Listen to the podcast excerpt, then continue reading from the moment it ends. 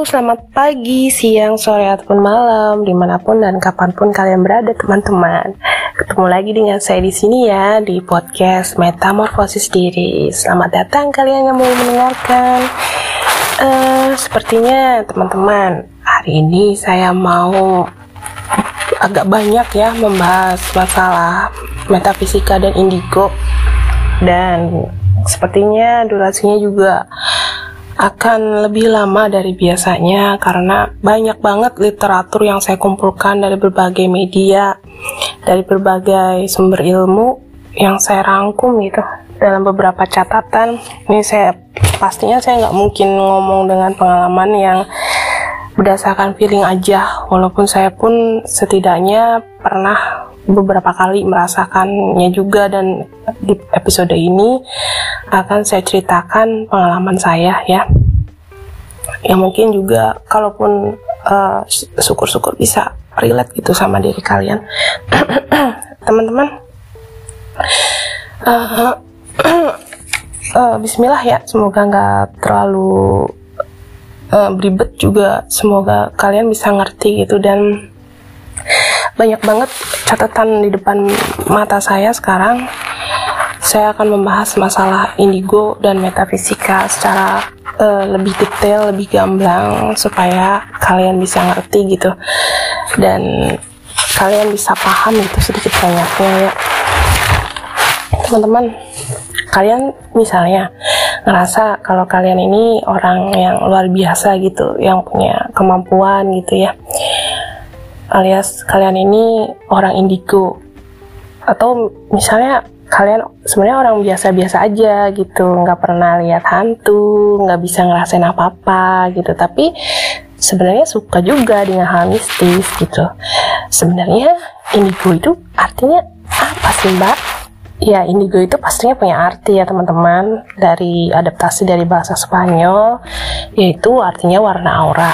Warna aura sendiri itu sebenarnya warnanya ungu ya karena berkaitan dengan warna dari cakra ajna yang ada di tengah-tengah dahi yang diidentifikasikan sebagai mata ketiga atau uh, trinetra ya.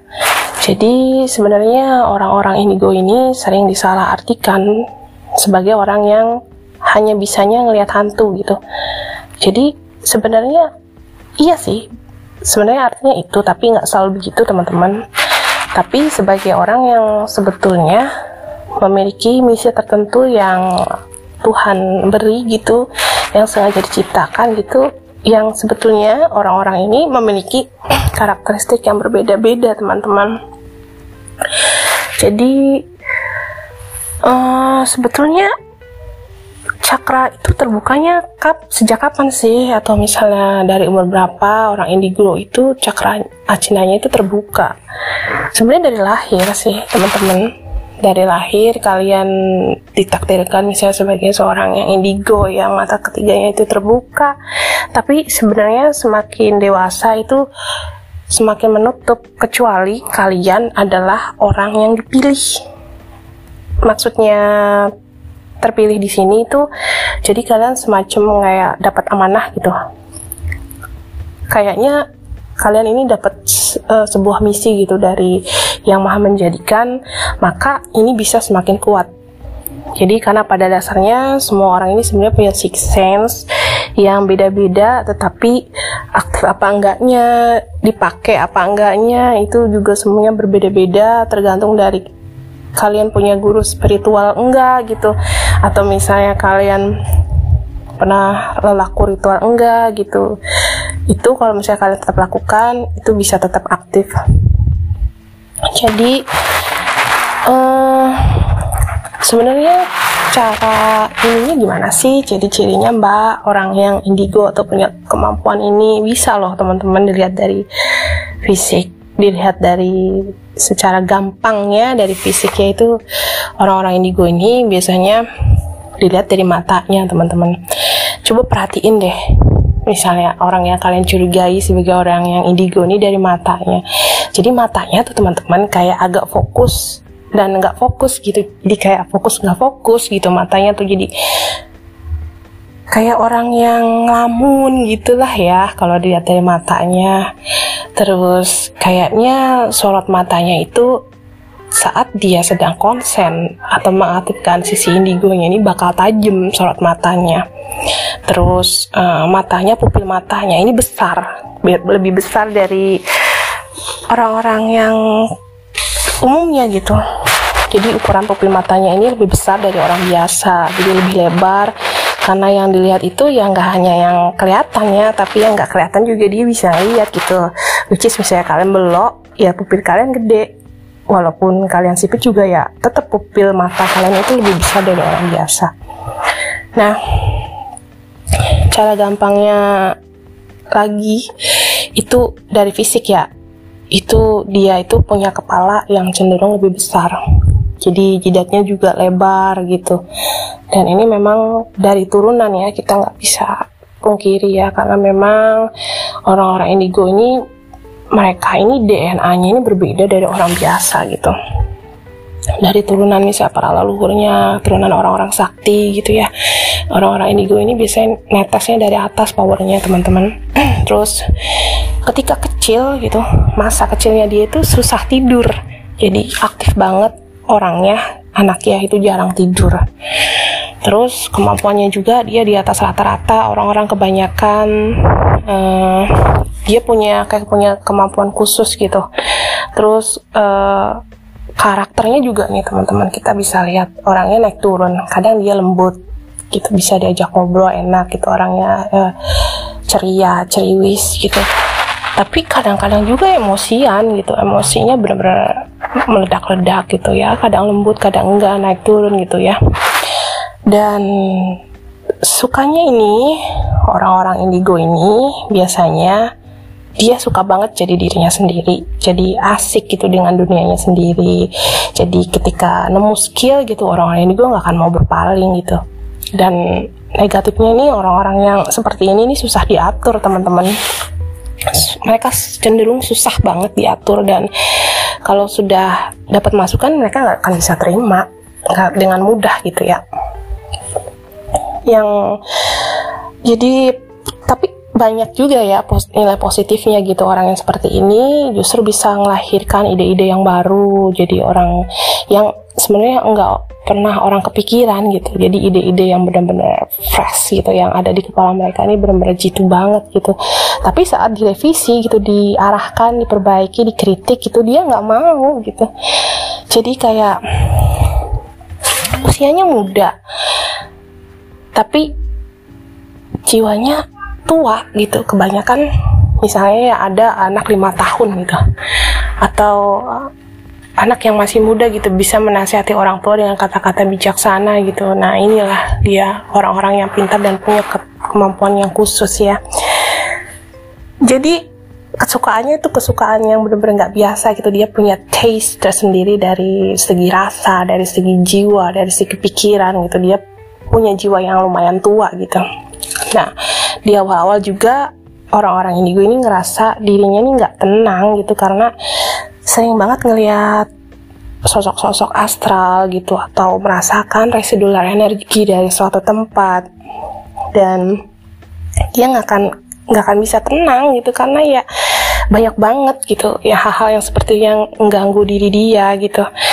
Dan selanjutnya kalau misalnya nih orang indigonya open gitu open minded alias terbuka dia sebenarnya punya kalau punya kecerdasan secara istimewa gitu jadi punya satu karakteristik nih guys teman-teman yang kayaknya nggak perlu lama-lama deh kamu buat ngejelasin sesuatu ke orang ini gitu. Jadi orang ini tuh cepat banget pahamnya tingkat rajin dan ilmu pengetahuannya juga lebih banyak dibanding teman-teman seusianya ini loh orang ke keistimewaan orang-orang indigo ya. Tapi kalau yang memiliki sifat humanis nih uh, sedikit berbeda ya. Jadi bisa lebih membaur sama masyarakat gitu. Mbak gimana dong cara memastikan lagi gitu? Biar netegin lagi gitu. Misalnya nih mbak saya tuh cuman pengen ngelihat makhluk halus aja atau um, pengen bisa menjadi seorang retrokognisi aja gitu.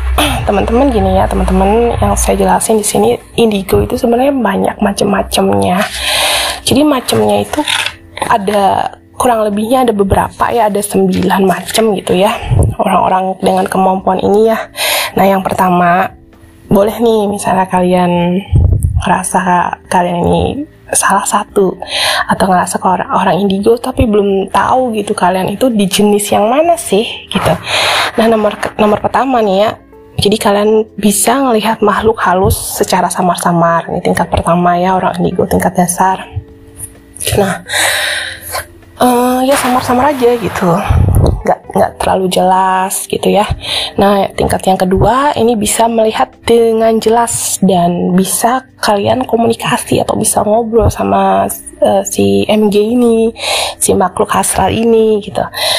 Nah, yang ke, tingkat yang ketiga itu bisa nerawang dan berkomunikasi dari jarak jauh sama si MG atau misalnya sama orang gitu ya yang memiliki kemampuan yang sama alias telepati mungkin ya, jadi bisa ngobrol jarak jauh gitu tanpa pakai device tentunya ya dari hati ke hati pakai batin gitulah ya. Nah, tingkat yang keempat ini bisa menerawang kejadian-kejadian di masa lalu atau di masa depan meski belum tentu akurat jadi kalian bisa nerawang gitu. Masa lalunya si A itu kayak apa? Masa depannya si A itu seperti apa nantinya yang akan dia temui? Walaupun agak-agak meleset tapi banyak benarnya gitu ya. Nah selanjutnya indigo tingkat kelima itu bisa menggali informasi lewat bebatuan atau benda-benda di sekitarnya. Jadi ketika kalian megang atau ngeliat suatu benda gitu yang dipajang which is benda itu adalah ancient alias benda kuno kalian tahu gitu histori di balik benda itu gitu walaupun kalian nggak megang cuma lihat uang misalnya ya Terus indigo tingkat keenam itu menggunakan telepati jarak dekat dan jarak jauh. Bisa merasakan dan melihat perasaan orang yang ada di depan kamu. Misalnya saat saya bertemu uh, atau kalian gitu ketemu sama stranger orang yang baru gitu orang asing kamu tuh bisa ngelihat nih feelingnya dia ke kamu tuh kayak apa atau bisa uh, ngerasain perasaan orang gitu bisa membaca pikiran lawan bicara kalian gitu nah itu indigo level 6 nah level yang ketujuh ini bisa menggerakkan benda-benda yang ada di sekitarnya atau kemampuan telekinesis. Nah, semakin naik tingkat level indigo yang saya sebutkan semakin susah dan semakin jarang orang yang bisa kita temui ya teman-teman. Nah, jarang kan kalian ngeliat orang yang bisa ngegerakin benda-benda, which is kalaupun setaraf. Misalnya sorry to say Roy Kiyoshi gitu ya untuk contoh gitu ya. Roy Kiyoshi ini adalah seorang indigo kan tapi bisakah dia sampai ke level 7 level tinggi ya? Jadi bisa kayak telekinesis atau bisa uh, gerakin benda yang ada di sekitar dia. Nah, level indigo nomor 8 itu bisa membelah diri. Bukan amuba ya teman-teman, jadi bisa membelah raganya atau bisa mengkloning dirinya sendiri jadi menjadi satu eh menjadi dua atau menjadi empat gitu ini juga pasti sangat jarang ya teman-teman dan ini gue level 9 yang paling jarang dan sepertinya sudah tidak ada lagi kecuali orang sakti di zaman dahulu ya. Jadi bisa teleportasi ke tempat-tempat yang diinginkan atau ke tempat-tempat jauh dalam sekejap mata kayak ngetring gitu ya. Jadi ini adalah yang di level paling atas teman-teman. Jadi teman-teman orang-orang indigo yang punya kemampuan lain dan khusus dalam dirinya itu sengaja Allah jadikan Allah ciptakan untuk mengemban amanah tertentu. Nih biasanya mereka itu memiliki ujian hidup yang cukup berat ya. Jadi cobaannya ini cukup berat. Karena kemampuan yang diraihnya ini akan semakin istimewa kalau dia bersabar dan kalau dia mau menggali potensi dirinya lagi gitu.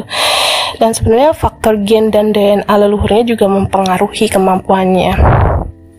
Itulah teman-teman jadi banyak banget ya teman-teman cabang-cabang dari atau kemampuan-kemampuan jenis-jenis kemampuan indigo ini. Dan ini nih sebenarnya bisa ditemukan setelah usia kalian 21 tahun ke atas. Jadi kemungkinan besarnya ketika kalian belum 21 tahun kemampuan kalian belum bisa dimaksimalkan lagi dan memang harusnya ada pembimbingnya gitu secara spiritual ya. Kalian harus cari mursyid yang tepat buat kalian gitu secara spiritual. Jadi juga ada pendekatan orang tua. Kalau bisa ya ada guru spiritualnya juga yang ngarahin gitu. Harus gimana sih? Aku dengan kemampuan aku ini yang berbeda dari orang lain gitu. Karena ada empat sifat dari orang indigo ini yang harus mereka tahu gitu mereka ini ada di indigo yang macam seperti apa. Nah empat sifat ini, nah nomor satunya adalah konseptual, konseptual ya teman-teman. Jadi lebih ke bidang-bidang konsep atau ke sesuatu konsep yang tidak pernah terpikirkan orang oleh orang biasa tapi kal kalian tuh paham gitu kalian ngerti dan justru kalian bisa menciptakan itu gitu nah eh, contohnya apa loh mbak aku nggak ngerti mbak contohnya ya kalian uh, bisa tahu gitu eh, rumus-rumus fisika atau rumus-rumus yang uh, yang benar-benar brilliant gitu. This is a brilliant idea kayak contohnya Nikola Tesla ini benar-benar seorang yang sangat jenius ya. Bisa jadi Nikola Tesla ini adalah seorang indigo karena dia mengerti bidang-bidang konseptual. Nah, bidang-bidang humanis nomor dua ya sifat humanis nih. Jadi kalian tuh lebih ingin mengabdikan diri kepada masyarakat melalui contohnya apa pengobatan misalnya ya. Uh, terus sharing nih, saya punya ilmu nih, saya nih sharing tentang macam-macam tentang budaya misalnya, tentang agama misalnya, tentang sejarah, di sharing gitu dengan tujuan untuk membantu sesama. Nah, sifat yang ketiga itu adalah artis jadi tentang seni seni macam-macam aja gitu nguasain semua kalian kuasain gitu dan nomor empat justru ini yang paling banyak ya teman-teman ada di diri seorang indigo yaitu interdimensional. Jadi berkomunikasi atau melihat dimensi lain. Jadi interdimensi gitulah kalian bisa gitu ya. Jadi empat karakter ini kita ikutin dulu teman-teman. Diikutin aja dulu lah. Mantepnya ini di mana? Nanti hati kalian sendiri yang ngasih tahu gitu. Saya ini ada di konseptual yang lebih ke bidang-bidang konsep atau saya ini lebih ke humanis gitu ya yang ingin mengabdikan apa yang saya punya tentang ilmu pengetahuan ini kepada orang untuk membantu orang gitu. Apa kalian ini interdimensional yang bisa ngeliat dimensi lain? Apa kalian ini seorang artistik yang ber, uh, ber kecimpung di bidang seni gitu ya?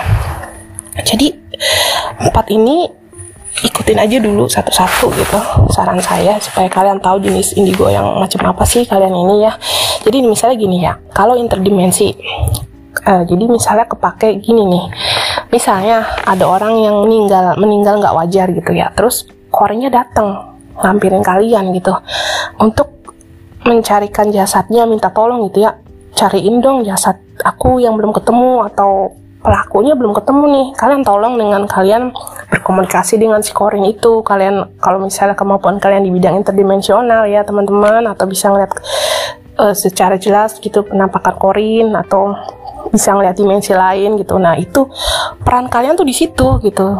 Peran kalian itu di situ kalau kalian di uh, bidang interdimensional. Dan sebenarnya gimana sih biar saya tahu gitu sebenarnya indigo seperti apa ini saya.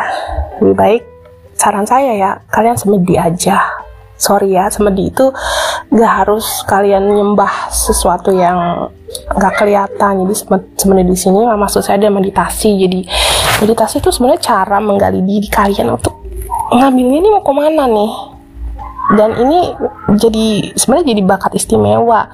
Kalian ini bisa jadi orang yang super istimewa dan super unik teman-teman. Ya. Jadi misalnya uh, di di jam 12 aja ya di jam 12 atau jam setengah 4 pagi ini karena gelombang alam semesta ini lagi kenceng-kencengnya teman-teman. Jadi misalnya ke, kalian lagi tafakur semedi meditasi gitu ya ini kalian berada di gelombang alfa ya yang sudah pernah saya jelaskan sebelumnya di episode tentang gelombang otak ya. Jadi itu kita bisa ngerasain teman-teman. Jadi gelombang kalian bakal sama dengan gelombang yang sedang terjadi di alam semesta yang lagi kenceng-kencengnya di jam 12 sampai jam setengah 4 pagi. Pertapa itu gak selalu harus di goa gak selalu harus di hutan walaupun itu ada tempat terbaik ya teman-teman. Jadi kamar kosong juga bisa. Jadi yang penting tempatnya aman nyaman dan jauh dari kebisingan gitu. Jadi mbak gimana sih mbak caranya biar ngontrol siksen saya ini biar saya nggak jadi gila? Biar saya nggak stres gitu mbak. Saya tuh pusing ngeliatin yang gitu-gitu terus. Nah, teman-teman, kalau misalnya ada pertanyaan kayak gini di diri kalian, misalnya kalian introvert gitu ya, yang susah banget buat ngomong gitu, ya kalian sharing aja gitu sama orang gitu yang tentunya satu vibrasi sama kalian. Jadi sebenarnya memang orang introvert ini bisa jadi sahabat imajinernya banyak gitu ya. E, mereka tertutup karena mereka ini e, semacam kayak trauma gitu ngelihat peristiwa-peristiwa tragis yang orang tuh nggak ngelihat kok saya ngelihat gitu ya kayak semacam pembantaian kayak gitu peristiwa-peristiwa berdarah masa lalu kalian tahu gitu kalian lihat gitu di dalam diri kalian gitu ya. Carilah tempat sharing teman-teman. Kalau misalnya itu udah benar-benar kayak darurat banget nih saya nggak bisa biarin diri saya seperti ini terus. Ya kalian sharing gitu takutnya jadi tekanan gitu takutnya kalian nggak kuat gitu. Nah inilah keistimewaan dan inilah sifat yang harusnya dimiliki sama seorang indigo gitu ya. Kalian ya harus kuat mental gitu. Makanya untuk teman-teman pendengar saya yang belum atau tidak pernah merasakan indigo ya kalian jangan coba-coba deh. Berharap kalau kalian itu indigo. Soalnya kalian tuh sebenarnya harus kuat mental terus ya sekuat baja gitu. Terus ya harus amanah gitu. Jadi sebenarnya mencari teman sharing itu susah guys. Saya akuin ya susah banget gitu ya uh, pribadi nih ya. Karena selama ini saya kadang nyari temen gitu ya atau nemu temen yang satu vibrasi itu susah. Misalnya gitu saya ngomongin eh uh, dia tuh begini-begini loh nantinya bakal begini-begini ke, ke orang yang nggak nggak paham gitu bagaimana diri saya ya mereka bakal nolak gitu. Misalnya gini saat saya ketemu sama seorang stranger gitu ya orang asing saya baca karakter orang itu gitu. Dan apa yang sudah pernah dia lalui itu kelihatan di pikiran saya. Dan akhirnya saya cari tahu kan saya cari tahu apa yang menjadi feel dan visual saya itu benar apa enggak gitu. Dan saya tanya ke orangnya langsung ternyata benar gitu. Dan uh, ketika misalnya saya melihat uh, gunung di oh, daerah saya gitu ya gunung Ciremai itu saya ngelihatnya kayak semacam saya tuh kayak disuruh ke sana gitu loh guys. Saya kebetulan ceritanya begini saya sedang berkendara ya dan uh, posisi saya ada di belakang di bonceng gitu ya uh, dan posisi jalan itu ketika saya melihat gunung langsung itu kayak ada semacam energi yang luar biasa yang nyampe ke diri saya dan bilang nak kamu ke sana, kamu harus ke sana. Ke sana tuh maksudnya ke Gunung Ciremai yang saya lihat itu ya, teman-teman. Lo ada apa tuh? Saya kok disuruh ke sana gitu. Lo ada apa? Saya nggak nggak bisa dengan kemampuan saya yang segini uh, keadaan saya yang seperti ini saya harus ke sana saat itu juga gitu. Saya pikir it's impossible gitu ya. Persiapannya harus banyak banget kan kita harus manjat gunung ya gak sih? Nah terus lantas setelah itu saya cari tahu setelah afternya ya ada apa sih sebenarnya di Gunung Ciremai saat ke kemarin-kemarin. Dan ternyata guys Gunung Ciremai itu ternyata kebakaran dan feel saya emang benar gitu tapi saya kaget saat itu tahu bahwa sebenarnya bisikan dalam hati saya itu ternyata benar dan ketika ya teman-teman saya duduk di pinggir laut gitu ya merasakan angin, melihat deburan ombak itu adalah hal yang biasa ya teman-teman.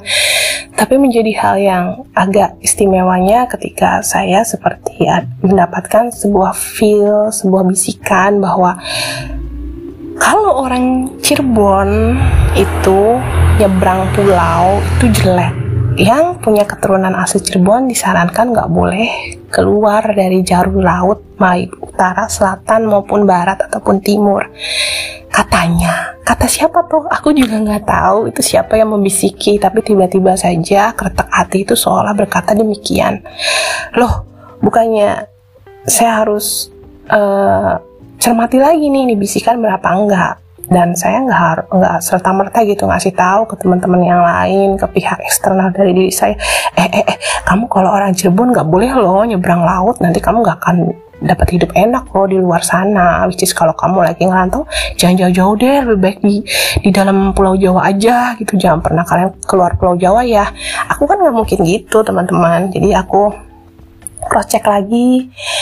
Dan untuk saat ini saya masih simpan hal itu dan belum ada proof semacam bukti ya bahwa apa yang kata hati saya bilang itu benar. Banyak sekali sih sebenarnya kejadian-kejadian seperti itu yang terulang dan kadang-kadang nggak nggak ada ujungnya gitu. Saat misalnya gini saya datang ke sebuah tempat katakanlah itu adalah kuningan ya tempat rekreasi ya. Di sana saya seperti biasa ya seperti orang-orang ya berekreasi menikmati alam menikmati pemandangan dan saat itu juga saya melihat salah satu ada satu pohon gitu yang mencolok dan menarik perhatian saya. Kemudian saya buka radar saya. Dengan niat apa? Dengan niat saya mencari ada nggak sih sebenarnya pusaka yang tertanam gitu? Ada ada enggak gitu sesuatu yang aneh di daerah ini yang sedang saya injak ini sebenarnya istimewanya di bagian mana? Nah, ketika radar saya on gitu ya, nemu sih spotnya. Terus ketika saya pulang gitu seakan-akan koneksi interdimensionalnya itu ketangkep ya teman-teman. Saat itu juga saya langsung disuruh ke sana balik lagi kamu balik lagi. Coba kamu ambil kamu tarik itu buat kamu katanya gitu. Loh siapa yang ngomong? Aku juga nggak tahu. Itu ketek hati aku bilang gitu dan itu powernya lumayan agak kenceng ya bisikin ke hatinya. Jadi saya bilang anterin aku ke sana ya anterin aku ke sana lagi buat ngebuktiin nih feel aku bener apa enggak. Tapi sampai detik ini saya tidak bisa membuktikan karena saya nggak bisa balik ke sana teman-teman. Dan uh, ada satu cerita lagi. Saat saya pergi ke sebuah kota sebut saja itu Pemalang ketika saya sedang mobile ke, ke daerah Pemalang kalau tidak salah di situ ada kayak tempat pabrik gula ya di daerah Sumberjaya kalau nggak salah. Pabrik gula terbengkalai di situ. Nah terusnya lagi tuh lurus lagi tuh ada semacam kayak pohon di situ besar sekali dan kebetulan tepat uh, saat saya ada di situ pohonnya itu kering jadi nggak rimbun hanya uh, batangnya saja yang besar dan nantinya yang kering jadi tidak ada daun sama sekali teman-teman. Dan saat saya datang gitu ya ke tempat itu keluar dan turun dari mobil itu rasa energinya itu benar-benar luar biasa. Saya belum pernah merasakan energi secara langsung yang sedahsyat itu yang bilang bahwa nah orang-orang yang di tempat ini tuh benar-benar aman. Aman 100% itu kertek hati. Aku bilang begitu. Loh aman 100% aman banget. Dari mana aku tahu? Gitu. Ya nggak tahu. Aku juga nggak tahu. Feel aku benar-benar bilang seperti itu karena memang secara fisik dan batin saya ngerasa nyaman ada di situ. Benar-benar nyaman dan kalau itu sih saya nggak mau pulang gitu. Mau cepet-cepet pulang uh, benar-benar auranya sangat bagus teman-teman. Positif banget. Dan saya cari tahu dong saya kepo dong. Sebenarnya di situ ada apa sih gitu? Di tempat itu ada apa ya? Saya cari tahu lewat sosmed lewat YouTube gitu yang ada aja gitu ya yang bisa saya jangkau. Dan ternyata di tempat yang saya pijaki itu dulunya saat zaman Belanda itu kayak semacam ada rudal yang mau jatuh ke situ. Jatuh tapi nggak meledak kayak semacam ada kayak pelindung ya cover gitu yang saya rasakan saat itu. Dan itu benar teman-teman. Jadi kata-kata saya bilang di situ bahwa orang-orang yang ada di situ aman nyaman dan terlindungi itu memang itu benar-benar terjadi pada masa lalu. Jadi kemungkinan saya merasakan residual energi dari tempat itu yang di mana tempat itu memang tercover ya seperti terselimuti gitu ya. Dan adalah salah satu titik terkuat yang ada di kota Pemalang yang saya rasakan. Ada buktinya ada datanya saya nggak tahu. Tapi energinya benar-benar dahsyat luar biasa sangat besar dan positif ya. Karena saya ngerasa sangat nyaman ada di situ. Dan itu pun terbukti gitu saya bisa membuktikannya lewat pencarian saya dan ada uh, dari data ya. Dari literatur ternyata itu benar gitu dulunya. Uh, di situ ditembakkan rudal tapi nggak meledak jadi seperti terlindungi ya tempat itu. Nah itu benar kan saya bisa membuktikan dengan diri saya sendiri bahwa itu feel itu benar-benar kuat dahsyat luar biasa dan itu uh, fakta dan real benar-benar terjadi. Dan sebenarnya banyak banget ya cerita kayak misalnya saya ketemu orang gitu. Dan ada yang ngasih tahu eh kasih tahu ke dia hari ini dia harus ke Sumedang eh kasih tahu ke dia keluarganya ada yang meninggal. Dan dia ditunggu di, bukan ada yang meninggal gini. Feeling saya waktu itu bukan ngomong gitu. Kamu ditunggu katanya cepetan ke sana. Saya sampaikan dong karena feel itu benar-benar kuat. Dan dia ah masa sih? Dia langsung ngomong begitu yang benar. Iya benar serius. Saya kreteknya benar-benar kuat banget feelnya benar-benar kuat uh, kamu lagi ditunggu di sana dan kamu bakal dikasih sesuatu di sana gitu. aku sampaikan dong ke dia. Dan ternyata teman-teman beberapa menit kemudian setelah saya bicara itu ada yang nyamperin gitu. Eh si Anu meninggal katanya. Tuh kan kataku juga apa? Bener kan feeling aku? Kata aku tuh gitu. Dan itu terbukti teman-teman. Contohnya begini. Uh, saat saya bisa membaca alam gitu ya ini angin kenceng nih ada apa nih ya karena jujur di uh, lingkungan kerajaan Cirebon memang sedang kisruh. Jadi kadang-kadang saya takut gitu uh, leluhur pada ngamuk. Kenapa bisa punya feeling seperti itu, nak? Ya karena pastinya teman-teman apa yang terjadi di dunia kita itu leluhur kita atau orang-orang yang sudah meninggal itu bisa ngerasain mereka itu bisa tahu loh apalagi uh, harusnya apa energinya kuat banget ya karena kekisruhannya itu benar-benar seperti mengulang sejarah pada masa lalu yang pada masa abad uh, ke 1000 abad ke-19 itu sejarah perebutan tahta itu pernah ada sebelumnya pernah terjadi di kerajaan Cirebon. Nah sekarang pun terjadi lagi. Saya bilang begini ini angin bukan angin biasa sepertinya ya. Ini angin seperti pertanda bahwa ada sesuatu yang nggak terima. Ini angin bukan angin biasa-biasa aja karena sepertinya ada pertemuan dalam tanda kutip pertemuan gaib ya teman-teman yang dilaksanakan itu yang sedang diadakan bersama leluhur Cirebon. Nah, kok kamu tahu nah apa buktinya? Aku juga nggak tahu teman-teman. Aku nggak bisa ngebuktiin kalau feel yang saya rasakan itu benar apa apa enggak gitu. Dan nyatanya setelah feel yang saya rasakan ini karena emang saya nggak ada mursyid nggak ada temen sefrekuensi yang which is mungkin lebih sakti gitu dari saya ya iya benar kamu benar feeling kamu benar gitu yang nguatin uh, keyakinan saya itu gitu. Ini mah cuma asal ngomong aja ya guys bukan cuma asal ngomong juga sih. Jadi berdasarkan pengalaman pribadi saya gitu yang saya ceritakan kalaupun misalnya ada yang relate atau ada yang sama dengan diri kalian sebetulnya aku ingin nyaranin kalaupun gitu ada keretak hati atau feeling atau semacam kayak bisikan gitu yang datang ke kalian itu kalian harus cross check lagi. Jangan sampai keadaan dalam feeling kalian itu kalian sampaikan dulu keluar gitu. Terus kalian uh, jatuhnya ke doktrin gitu ngedoktrin lawan bicara atau orang yang kalian ajak bicara itu kalau doktrinnya bagus itu kan baik ya teman-teman. Tapi kalau misalnya eh kamu awas ya nanti kamu ada yang ini hati-hati kan gitu orang jadi kan takut jadi kan fobia gitu. Jadi lebih ke prinsip orang retrokognisi sih ya teman-teman. Katakanlah apa yang kamu katakan tapi jangan katakan semua yang kalian tahu gitu. Jadi katakanlah apa yang kamu ketahui aja gitu tapi jangan semua yang kamu ketahui itu kamu katakan.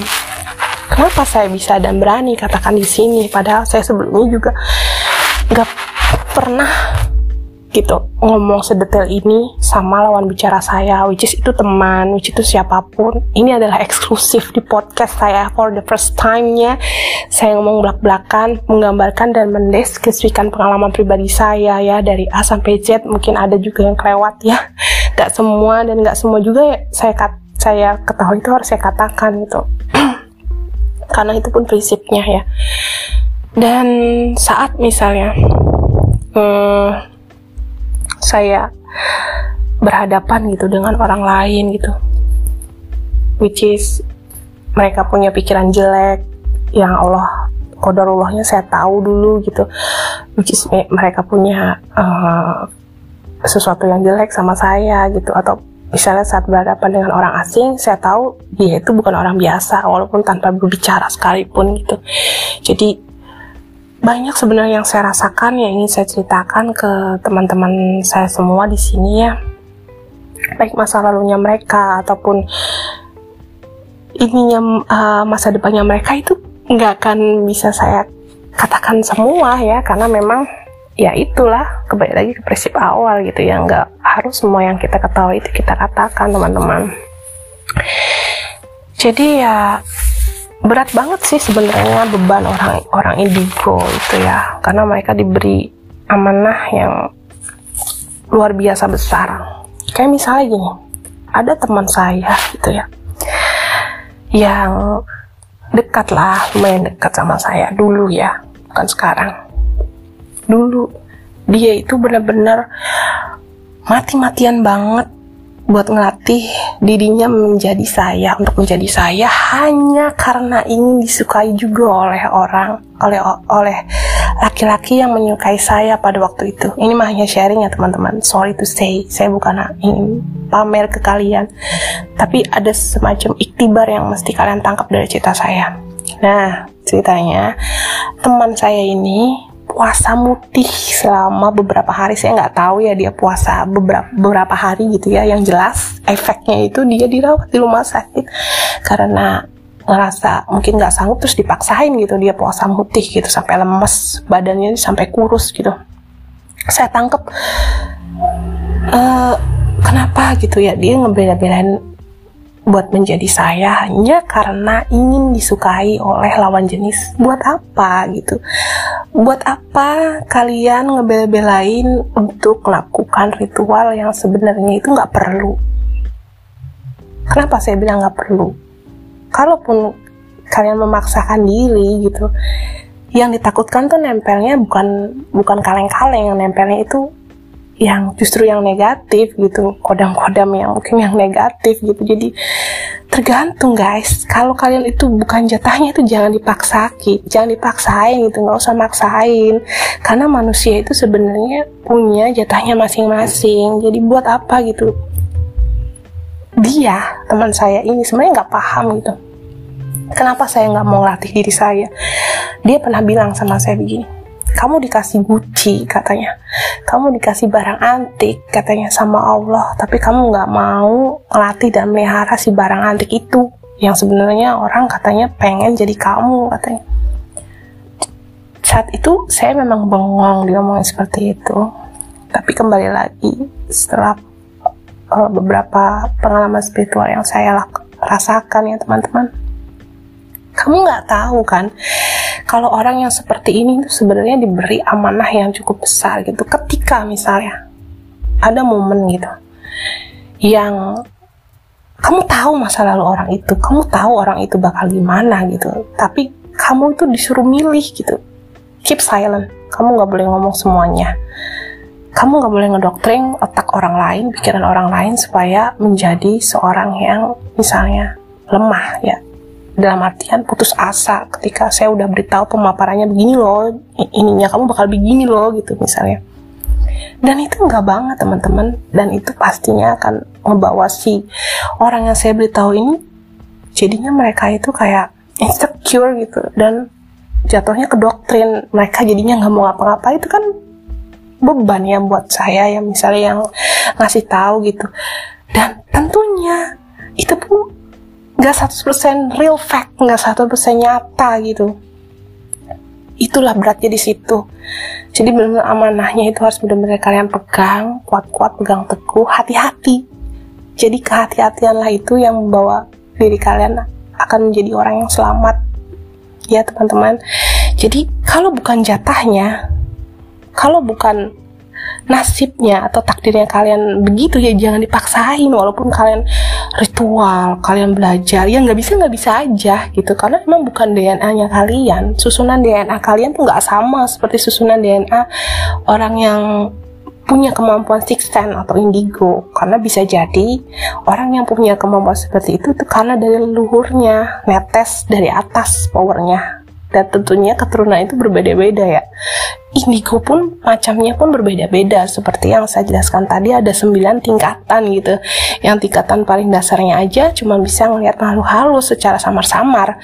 Dan tingkatan tertingginya aja bisa teleportasi ke tempat-tempat yang jauh gitu dalam sekejap. Dan ini hanya dimiliki oleh orang-orang tertentu. Ya begitu teman-teman. Jadi saran saya tidak usah kalian coba-coba jadi orang indigo. Jadi kalau kalian hanya jurusannya Indomie ya jadilah Indomie aja gitu. Jurusan ayam bawang yang pakai itu uh, pakai telur setengah matang ya tetap rendah hati aja sih. Jadi tetap bersyukur teman-teman. Kalian mau bagaimanapun kalian pasti diberi keistimewaan lewat jalur lain gitu ya. Jadi sebenarnya gimana loh mbak ngasahnya? Aku tuh sebenarnya iya benar sepertinya orang indigo yang uh, sama seperti yang mbak Ina bilang. Nah teman-teman sepertinya ada caranya nih teman-teman yang akan saya kasih tahu ke kalian. Dengerin baik-baik ya kalau bisa dicatat gitu ya. Nah kalian bisa olah nafas teman-teman. Olah nafas ya. Eh, seperti orang yang tenaga dalam gitu ya. Kalian karena kenapa saya nyaranin seperti ini? Karena sebenarnya nafas itu pemegang peran utama dalam kehidupan seseorang. Jadi tujuan kalian mengolah nafas ini adalah untuk memaksimalkan dan mengoptimalkan tubuh supaya bisa menjadi lebih baik dari olah nafas kalian sudah kuasai. Lalu ya makanannya toh diganti makanannya yang bagus-bagus yang baik-baik. Kalau bisa kalian mau makan asupan herbal ya seperti madu misalnya seperti habatus sauda misalnya dan asupan herbal yang lain. Dan pola hidup kalian juga pindahlah ke pola hidup yang sehat gitu ya. Jadi gimana nih caranya tahan uh, olah nafas ya? Kalian tarik nafas kalian 3 detik terus tahan. Nah tahan juga 3, 3 detik dan buang 3 detik. Jadi ada bagian-bagian tertentu saat misalnya kalian tarik nafas nih. Kalian kan menghirup oksigen ya teman-teman. Jadi saat kita berlatih nafas gitu kita serap oksigen dan oksigen itu ditahan gitu di dalam badan supaya apa? Supaya si oksigen ini bisa menyerap dengan sempurna ke sel-sel mitokondria yang ada di dalam tubuh kalian. Jadi supaya apa nih teman-teman energi di dalam diri kalian itu bisa menjadi lebih besar dan lebih bagus.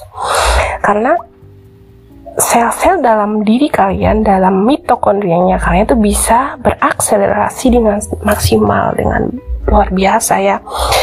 Tarik 3 detik tahan 3 detik dan buang. Dan saat buang inilah ada bagian-bagian tertentu di badan yang dikejangkan gitu yang dikuatkan gitu misalnya di bagian perutnya. Tahan terus buang. Kencangkan perut kalian. Latihan nafas seperti ini perlu perlu master ya perlu guide.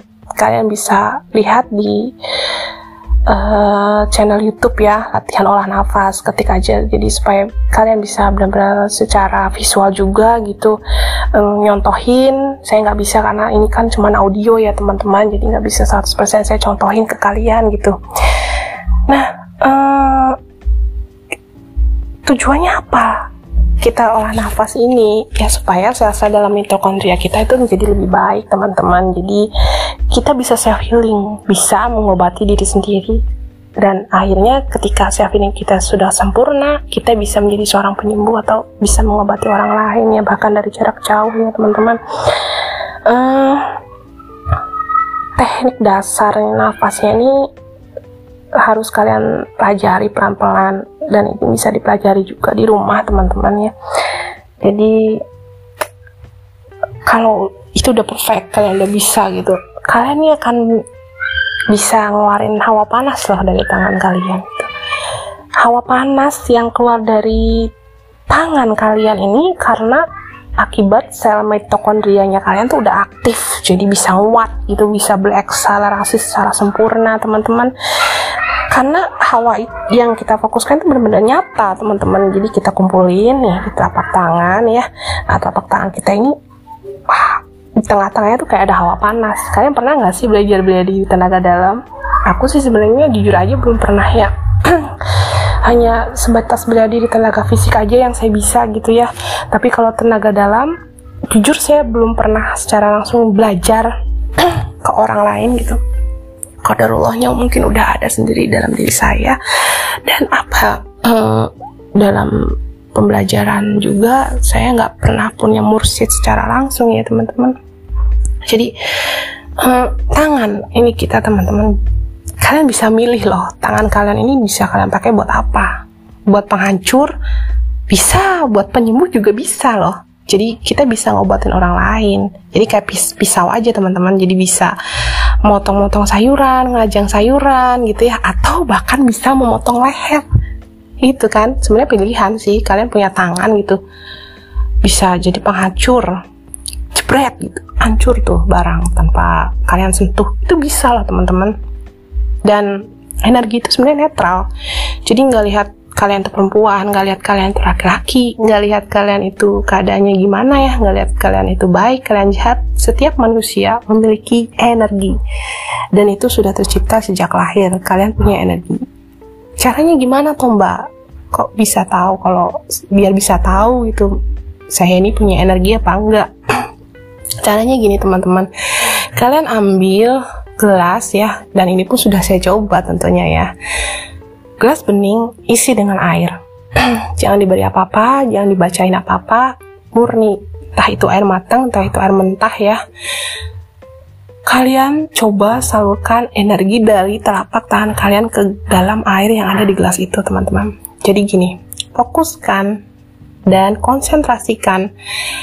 Seolah-olah tangan kalian ini mengeluarkan energi panas Terus tekan energi itu ke dalam air yang sudah kalian sediakan di gelas yang bening ya. Kenapa yang bening? Nantinya kan uh, setelah dimasukkan ke dalam kulkas, gelembungnya itu akan kelihatan. Itulah energi yang ada dalam badan kalian yang kalian salurkan. Nah, tekan uh, seperti kalian sedang memasukkan sesuatu gitu ya ke dalam air itu.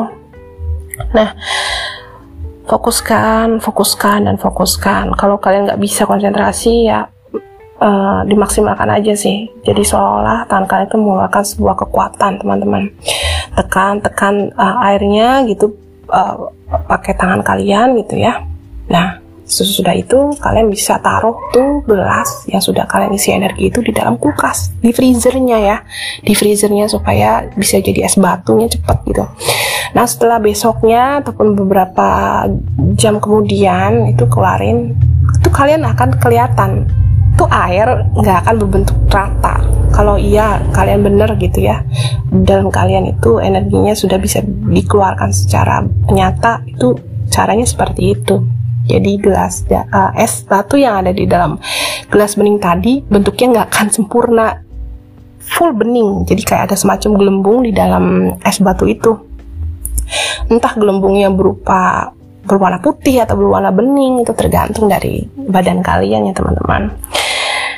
Ah, panjang banget ya. Kira saya minum dulu.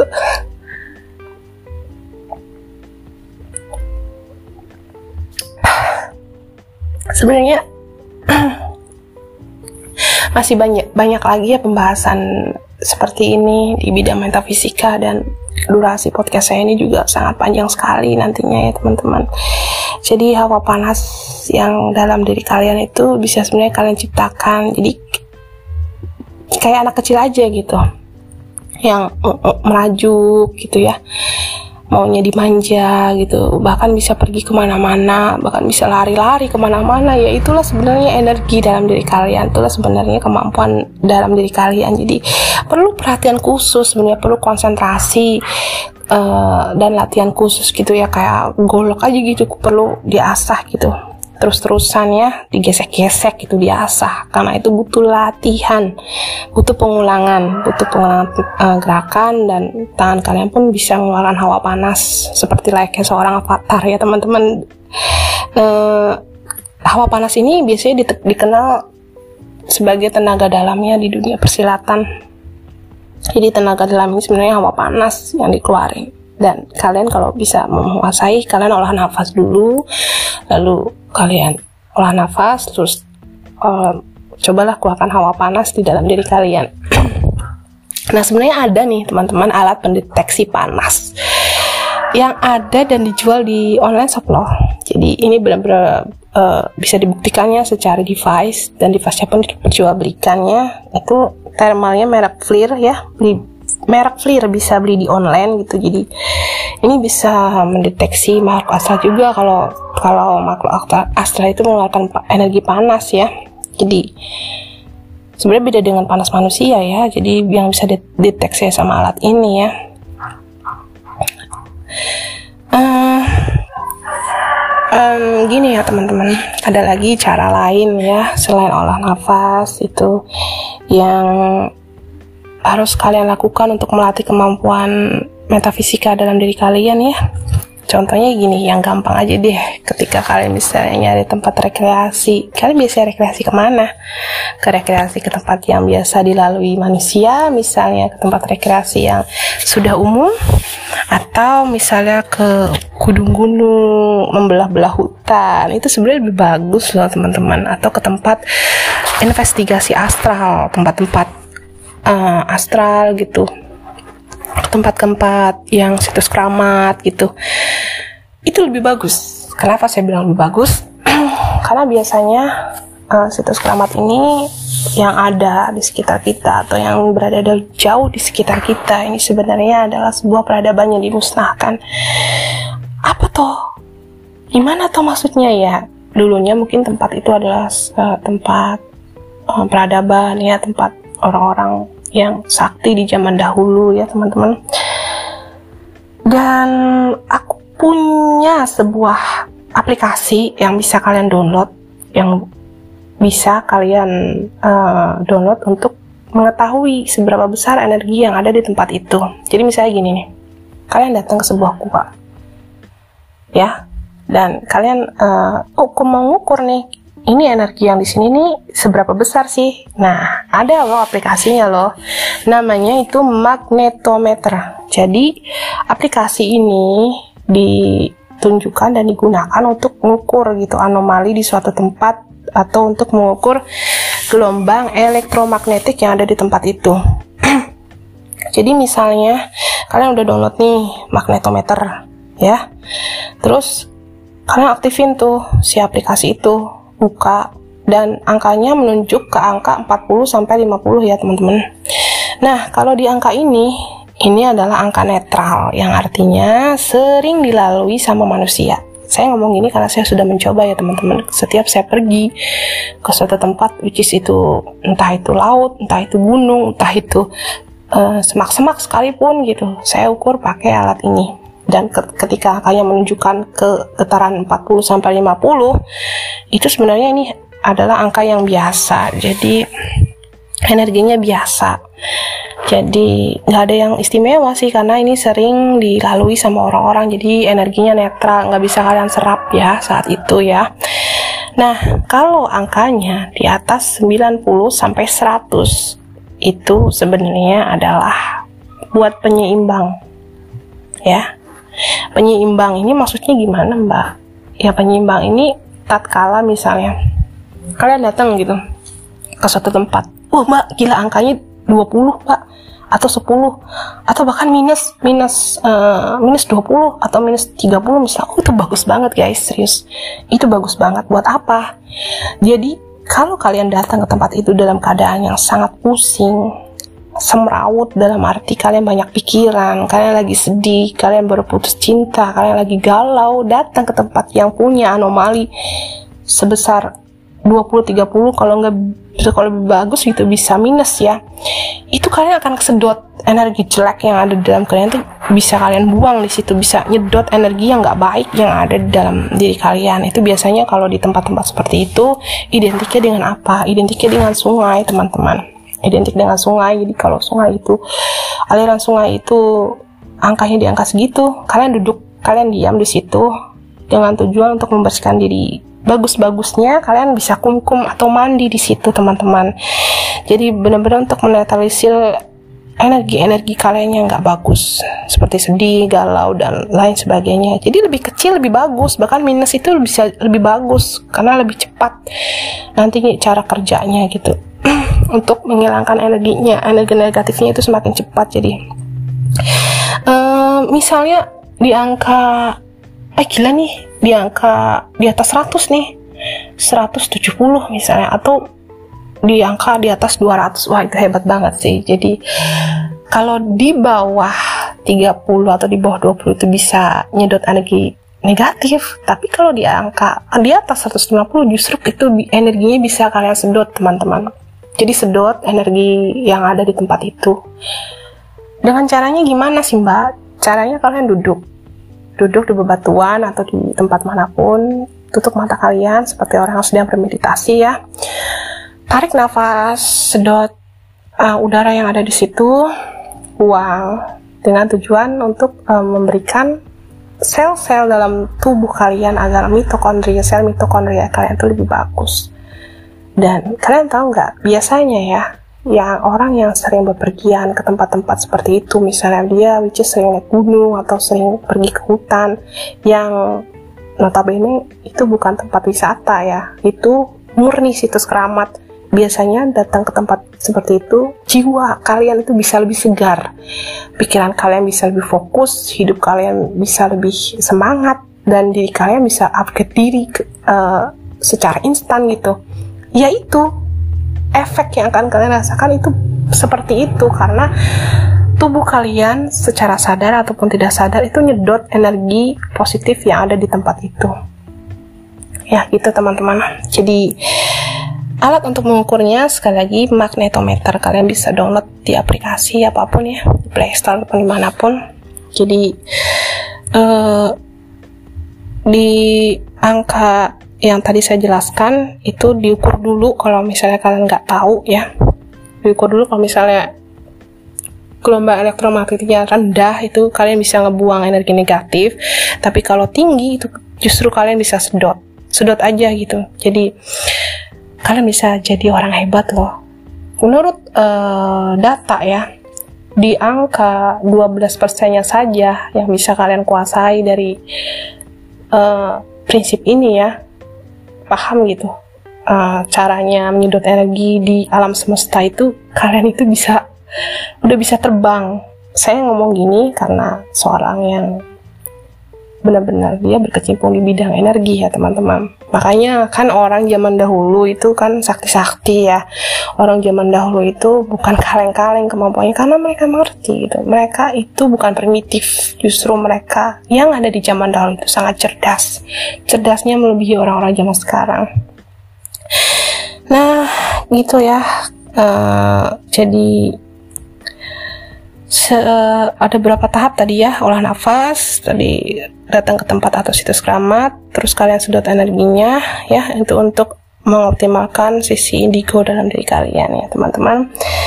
Jadi di tempat-tempat uh, netral seperti itu ya yang angka netral 40-50 itu kalian bisa mengeluarkan energi negatif tapi di angka misalnya 100 sampai 100 ke atas itu kalian bisa sedot energinya. Dan uh, banyak fenomena-fenomena yang sebenarnya penjelasannya akan banyak dan bercabang lagi ya teman-teman. Jadi uh, banyak banget gitu hal-hal yang tentang metafisika dan hal gaib kayak macam pembahasan tentang ektoplasma tentang orbs, tentang vortex gitu dan energi-energi yang lain yang sebenarnya kalau kita datang gitu sengaja memoto nih makhluk halus sepertinya itu kan susah. Karena makhluk, makhluk yang seperti itu makhluk gaib ya nggak akan bisa secara nyata dan benar-benar gamblang menampakkan diri mereka kelihatan lewat kamera. Dan kalau misalnya kalian mau nangkep gitu orbs gitu ya kalian jangan bawa kamera SLR kalian bawanya kamera yang digital pocket aja jadi bisa uh, ketangkep gitu uh, gambar orbsnya orbs itu apa sih mbak? Aku nggak ngerti. Orbs itu jadi energi cerdas yang dimanfaatkan sama makhluk energi cerdas ini adalah energi yang sebenarnya asalnya dari manusia loh. Jadi saat misalnya ada peristiwa tragis ya manusia yang terbunuh di situ gitu, uh, energinya itu akan terpecah energi si manusia yang wafat tadi di tempat itu itu akan terpecah dan seperti uh, pernah nggak sih kalian ngeliat di kamera kalian kayak uh, kayak ada butiran-butiran cahaya yang kecil-kecil gitu loh guys. Nah itu tuh sebenarnya adalah orbs yang sebenarnya asalnya ini dari manusia itu sendiri yang sengaja dikeluarkan ataupun nggak sengaja ya yang dikeluarkan yang asalnya dari sel-sel dalam tubuh manusia yang kemungkinan besar itu diberi pesan dan kalau ada makhluk halus yang nangkep gitu ya si orbs dan dari diri manusia ini energinya ini bisa ditangkap sama makhluk halus. Dan pesan-pesan yang terdapat dalam orbs itu itu bisa disalahgunakan sama si makhluk halus itu sendiri ya.